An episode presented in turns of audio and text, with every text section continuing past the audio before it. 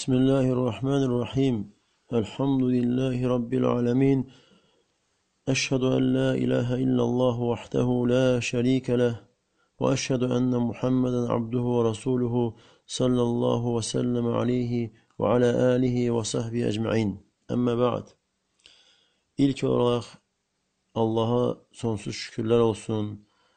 Allah'a hamdolsun nimetlerine göre her bir şeye göre Yani bizi Allah Teala yoktan var etti. Hiç biz yok idik. Hiç bizi hatırlayan da yok idi. Allah da insan suresinde buyurur ki: "Hel ata alel insani hinun mined dehri lem yekun şey'en mezkura." Meğer insana bir zaman bir müddet gelip gitmedi mi ki o müddette hiç hatırlanılan, zikr olunan bir şey değildi. Biz hiç neydik? Hiçbir şey değildik. Allah bizi yoktan yarattı, yoktan var etti ve ondan sonra da sayısız e, bitmek, tükenmek bilmeyen nimetler verdi. Ve in teuddu nimetallahi la tuhsuha. Eğer siz Allah'ın nimetlerini sayacak olsanız sayıp kurtarabilmezsiniz. Ve bu nimetlerden de e, elimizde olan bu Kur'an, Kur'an-ı Kerim Peygamber sallallahu aleyhi ve sellem İmam Müslim'in sahih eserinde Zeyd ibn Erkam'dan gelen rivayet olan hadiste Peygamber sallallahu aleyhi ve sellem buyurur ki Ela ve inni tarikum fikum thekaleyn Bilin ve agah olun ki ben size iki azametli, iki büyük bir şey terk edirəm. Ahaduhuma kitabullah. Onlardan birisi Allah'ın kitabıdır. Huve hablullah. Allah'ın ipidir. Men ittebe'ahu kana ala huda. Kim ona tabi olarsa hidayet üzerinde olar. Doğru yol üzerinde olar. Ve men terakehu kana ala dalaletin. Kim onu terk ederse zelalette olar. Ve hemçinin İmam Ahmed'in müsnedinde gelen Ebu Said el-Hudri radıyallahu anh'dan rivayet olan hadiste Peygamber sallallahu aleyhi ve sellem buyurur ki Kitabullahi hablum memdudun mines sema ilel ard. Allah'ın kitabı semadan yere uzanan iptir, kendirdir. Ve hemçinin İbn Ebi Şeybe Musannaf eserinde Ebu Şirih el-Huzai'den rivayet edilen hadiste Peygamber sallallahu aleyhi ve sellem buyurur ki Ebşiru, ebşiru, sevinin, sevinin, müjdelenin Eleyse teşhedun en la ilahe illallah. Meğer siz e, şehadet vermişsiniz mi ki Allah'tan başka ibadete hak mabud yoktur. Ve enni Resulullah ve men hakikaten ben Allah'ın Resuluyum. Dediler ki bali ve Peygamber sallallahu aleyhi ve sellem buyurur ki fe inne hadel Kur'ane sebebun. Hakikaten bu Kur'an e, iptir, kendirdir. Tarafuhu biyedillah. Bir tarafı bir ucu Allah'ın elindedir. Ve tarafuhu bi eydikum. O birisi ucu, o birisi tarafı ise sizin elinizdedir. Temesseku biha. Ondan berk yapışın. Fe innekum len tadillu ve len tehliku ba'dehu ebeden. Ve e, siz hiç vaxt ne zalate düşmezsiniz ne de ki ondan sonra hiç vaxt helak olmazsınız. Yani Kur'an'dan bek yapışsanız ne zalate düşmezsiniz ne de helak olmazsınız. Ee, ve hemçinin Eddarimi Abdullah bin Mesud'dan rivayet edilir ki o buyurmuştur. İnne hâde sırâte muhtadarun tahturuhu şeyatin. Hakikaten bu sırat Allah'ın bu sırat-ı müstakimin doğru yoluna yani gelirler. Şeytanlar gelir. Yunadune ya Abdullah ve çağırırlar sesliyle ki ey Allah'ın kulu. Hâde, hâde tarik bu yoldur. Yol budur. Yani insanı azdırmak için Səsləyirlər ki, yol budur, haqq budur, doğru yol budur. İbn Məsud radiyallahu deyir ki, "Fa'tasimu bihablillah." Allahın ipindən bək yapışın. Allahın ipindən bək yapışın. "Fe inne hablallahi el-Qur'an." Həqiqətən Allahın ipi Qur'andır.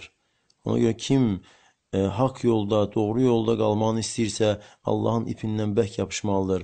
Qur'an və həmçində sünnədə, e, hədislərdə vəhidir. Və hədə hablul məmdud və bu e, ip, Allahın ipi, Allah Teala onu semadan nazil etmiştir. İnsanlara, bəşəriyyətə bir hidayət, doğru yol olsun. İnsanların islahı üçün və möminlərə bir xatırlama, öyüd, nəsiyyət, ibrət olsun deyə və həmçində sinələrdə olana şəfa olsun, nur, işıq və bərəkət olsun kim ki bu Quran əhlindəndir. Allah Teala buyurur Sad suresinde Kitabun enzelnahu ileyke mübarekun. Bizim sana nazil ettiğimiz bu kitap mübarektir. Liyeddebberu ayatihi ve liyetedekkere ulul elbab. Ayelerini fikirleşsinler diye ve akıl sahipleri de ibrət alsınlar, öyüd nəsihət alsınlar. Və həmçinin Allah Teala İsra surəsində buyurur: "İnnə hadzal Qur'an yehdi lillati aqvam." Həqiqətən bu Qur'an ən doğru olana, ən doğru olana hidayət edir, yönəldir. Və yubəşşirul mu'minинَ-ellezine ya'malunə's-salihati enne lehum ecran kebira. Və salih əməl edən möminləri müjdələyir ki, onlar üçün böyük, əzəmətli əcr, mükafat vardır.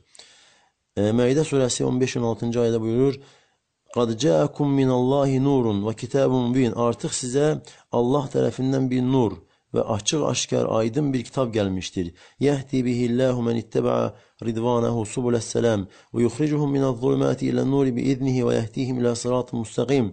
Allah onunla, yəni o kitabla və onun razılığına tabi olanları, razılığını istəyənləri salamatlıq yollarına yönəldir və onları öz izni ilə zülmətlərdən nura çıxarır və onları sırat-ı müstəqimə doğru yola yönəldir.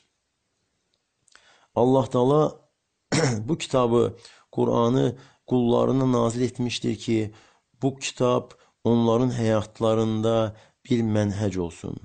Üslub, həm əxlaqlarında, həm ədəblərində, həm də insanlarla davranışlarında, ibadətlərində, Allahla olan e, davranışlarında. Ona görə də Ayşə radiyallahu anhə möminlərin anasından soruşulanda ki, Peyğəmbər sallallahu aleyhi ve sellem əxlaqı nə idi? Və buyurur ki, kənə xuluquhul Qur'an, onun əxlaqı Qur'an idi. Yəni, Qur'anda nə varsa, ibadət, əxlaq, ədəb, e, müamilə, davranış, e, bütün bunlarla Peyğəmbər sallallahu əleyhi və səlləm vəsf olunmuşdu, tam şəkildə kamil surətdə. Və Peyğəmbər sallallahu əleyhi və səlləm insanların ən abidi idi və insanlar içərisində Allahdan ən qorxanı idi, ən təqvalısı idi, əxlaqı ən gözəl olanı idi, ən ədəblisi və insanlarla davranışda ən yaxşı davranan idi. İbnül Qayyim rahmeullah Ət-Tibyan fi Aqsamul Quran adlı kitabında e, vəsf edir. Peyğəmbər sallallahu əleyhi və səlləmi e, e, və Ayşə radiyallahu bu sözlərini açıqlayaraq deyir ki, Peyğəmbər sallallahu əleyhi və səlləmin əxlaqı bu idi. Onun əxlaqı Quran taxçasından götürülmüşdü. Onun kəlamı tam şəkildə Qurana müvafiq idi, Qurana uyğun idi Qur'anı açıqlayırdı, Qur'anı bəyan edirdi. Onun elmləri Qur'an elmləri idi. Onun istəkləri, iradələri və əməlləri Qur'anın vacib etdiyi, Qur'anın yönətdiyi əməllər idi. Onun üz çevirdiyi, üz döndərdiyi şeylər, tərk etdiyi şeylər Qur'anın qadağan etdikləri idi. Və onun rəğbəti, istəyi, nəyə rəğbətlənirdisə, o şeylər Qur'anın rəğbətləndirdiyi şeylər idi. Və onun zahidliyi, e, tərk etdiyi, çəkindiyi şeylər Qur'anın e, tərk eləməsini buyurduğu şeylər idi və xoşlamadığı şeylər də Qur'anın xoşlamadığı şeylər idi.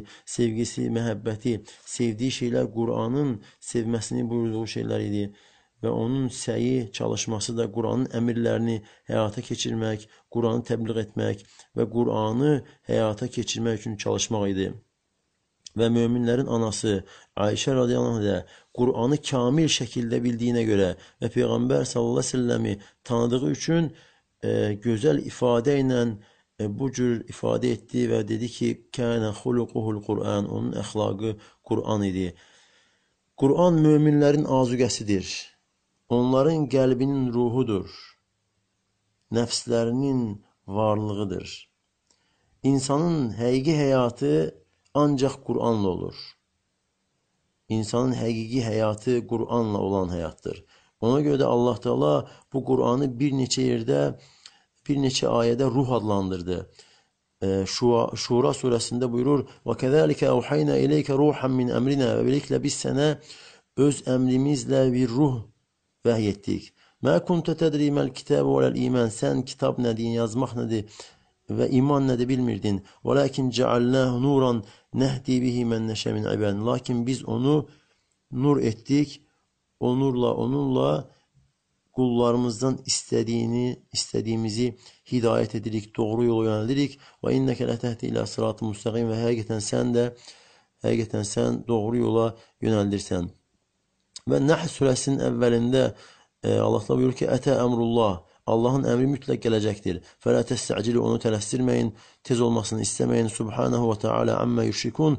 Allah Teala onların şərik qoşduqlarından münezzəhdir, ucadır. Yunezzilul mələikətə bir ruhi min əmrihi. Mələkləri öz əmri ilə ruhla nazil edir. Allah Teala e, Kur'an'ı ruh adlandırdı. Çünkü qəlblərin həqiqi həyatı bu Kur'anla olur. Və Qur'anı nazil edən mələyi də Allah Teala bu vəhyi nazil edən mələyi də ruh adlandırdı. Cəbrail əleyhissalamı ruh adlandırdı. Necə ki Şuara surəsində nəzələ bihi ruhul əmin onu əmin ruh nazil etmişdir. Yəni Cəbrail. Çünki Cəbrail Qur'anı nazil etmişdir ki, o Qur'anla qəlblərin həyatı olur. Hər bir insana da və bizim hər birimizə vacibdir ki, yəni bizim həqiqi həyatımız həm dünyada, həm axirətdə həqiqi həyatımız Qur'andan olan payımıza görədir. Qur'andan olan nəsibimizə görədir. Bu mübarək kitabdan olan elmlə, əməllə və tətbiqlə. Və ona görə Allah Teala Hədid surəsinin 16-17-ci ayələrində buyurur ki: "Ələm yə'ni lillezina amanu an təxşa'a qulubuhum li zikrillahi və ma nazala minəl haqq yakunu kellezina utul kitaba min qablu fatala alayhimul amadu faqasat qulubuhum və kəsirun minhum fasiqun." Məgər iman gətirənlərə Allahın zikri üçün qəlblərinin yumşalma vaxtı gəlib çatmadımı? Və haqdan nazil olan şeyə Və onlar əvvəl kitab verilənlər kimi olmasınlar. Onlarla peyğəmbərləri arasında müddət uzandı və qəlbləri sərtləşdi və onların çoxusu fasiqdilər. İ'ləmu ennallah yuhyil arda ba'de mevtiha. Bilin ki, Allah həqiqətən Allah yeri ölümündən sonra dirildir. Qad beyyennə lekumul ayati leallekum taqilun. Artıq biz ayətlərimizi sizə aydın aşkar etdik ki, açıqladıq ki, siz əql edəsiniz. Yəni necə ki yer, ölmüş yer su ilə dirildiyi kimi və həmçinin qəlblər də e, dirilir, amma qəlblərin dirilməsi Quranladır. Yəni qəlb həyatın dadını dada bilməz. Dünya və axirət xoşbəxtliyinin ləzzətini ala bilməz əgər Quran olmasa.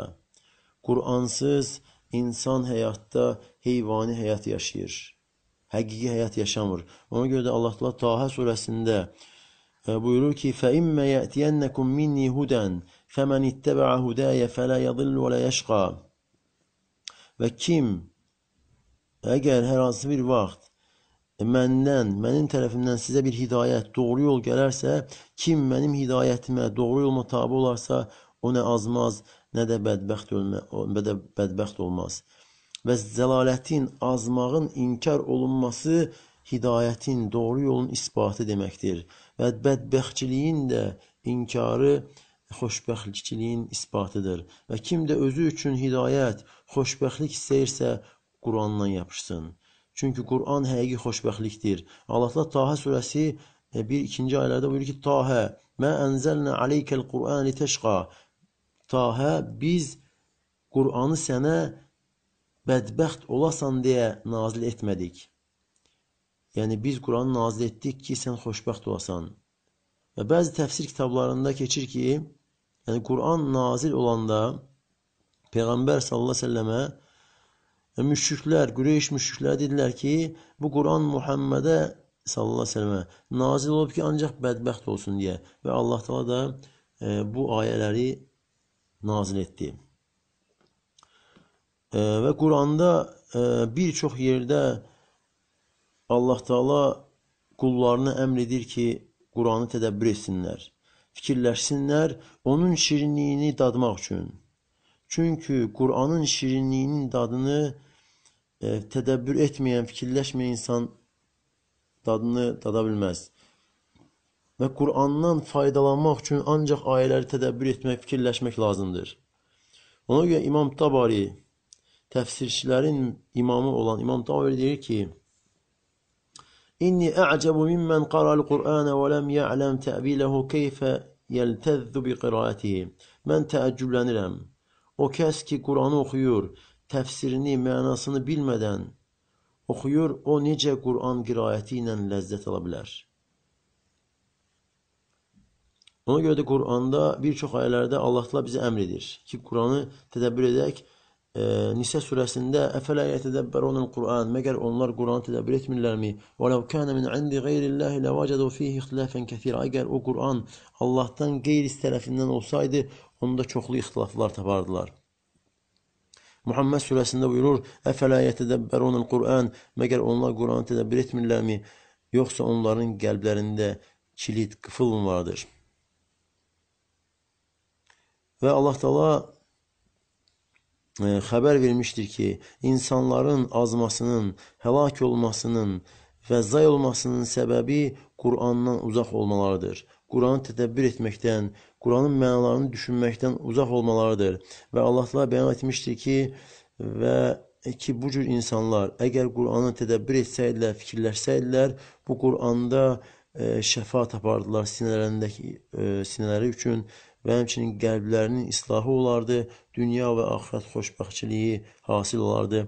Allah təala Müminin surəsində buyurur ki: "Qad kanat ayati tutla alaykum fekuntum ala aqabikum tankisun." Allah təala müşriklər haqqında buyurur. E, səbəb onlar haqqında olsa da amma hökm, yəni ümumi hamı üçündür. Allah təala buyurur ki, artıq mənə mənim ayələrim sizə oxunurdu və siz isə geriyə dönüb arxa çevirib gedirdiniz. Mustakbirinə bi hisabinə təhcurun, yəni Kəbə ilə, Kəbənin yanında yaşamağınıza görə Kəbə ilə təkəbbürlük edirdiniz, öyüdürdünüz, gecələr isə pis sözlər danışırdınız. Əfələm yəddəbərul qavl, məgər onlar bu sözü, bu Quranı tədəbbür etmirlərmi, fikirləşmirlərmi, düşünmürlərmi?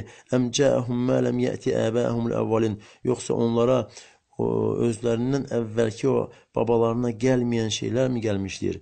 Yəni onlar əgər fikirləşsəydilər bu sözü, bu Quranı dərk etsəydilər, əql etsəydilər mənasını və e, başa düşərdilər və onlar üçün də xoşbəxtlik hasil olardı. Bu cür geri çevrilmək, arxa çevirmək hasil olmazdı.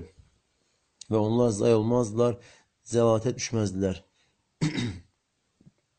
və Allah təala bu Qur'anı bir neçə yerdə e, zikra adlandırır. Yəni öyüd, nəsihət, ibrət, xatırlama.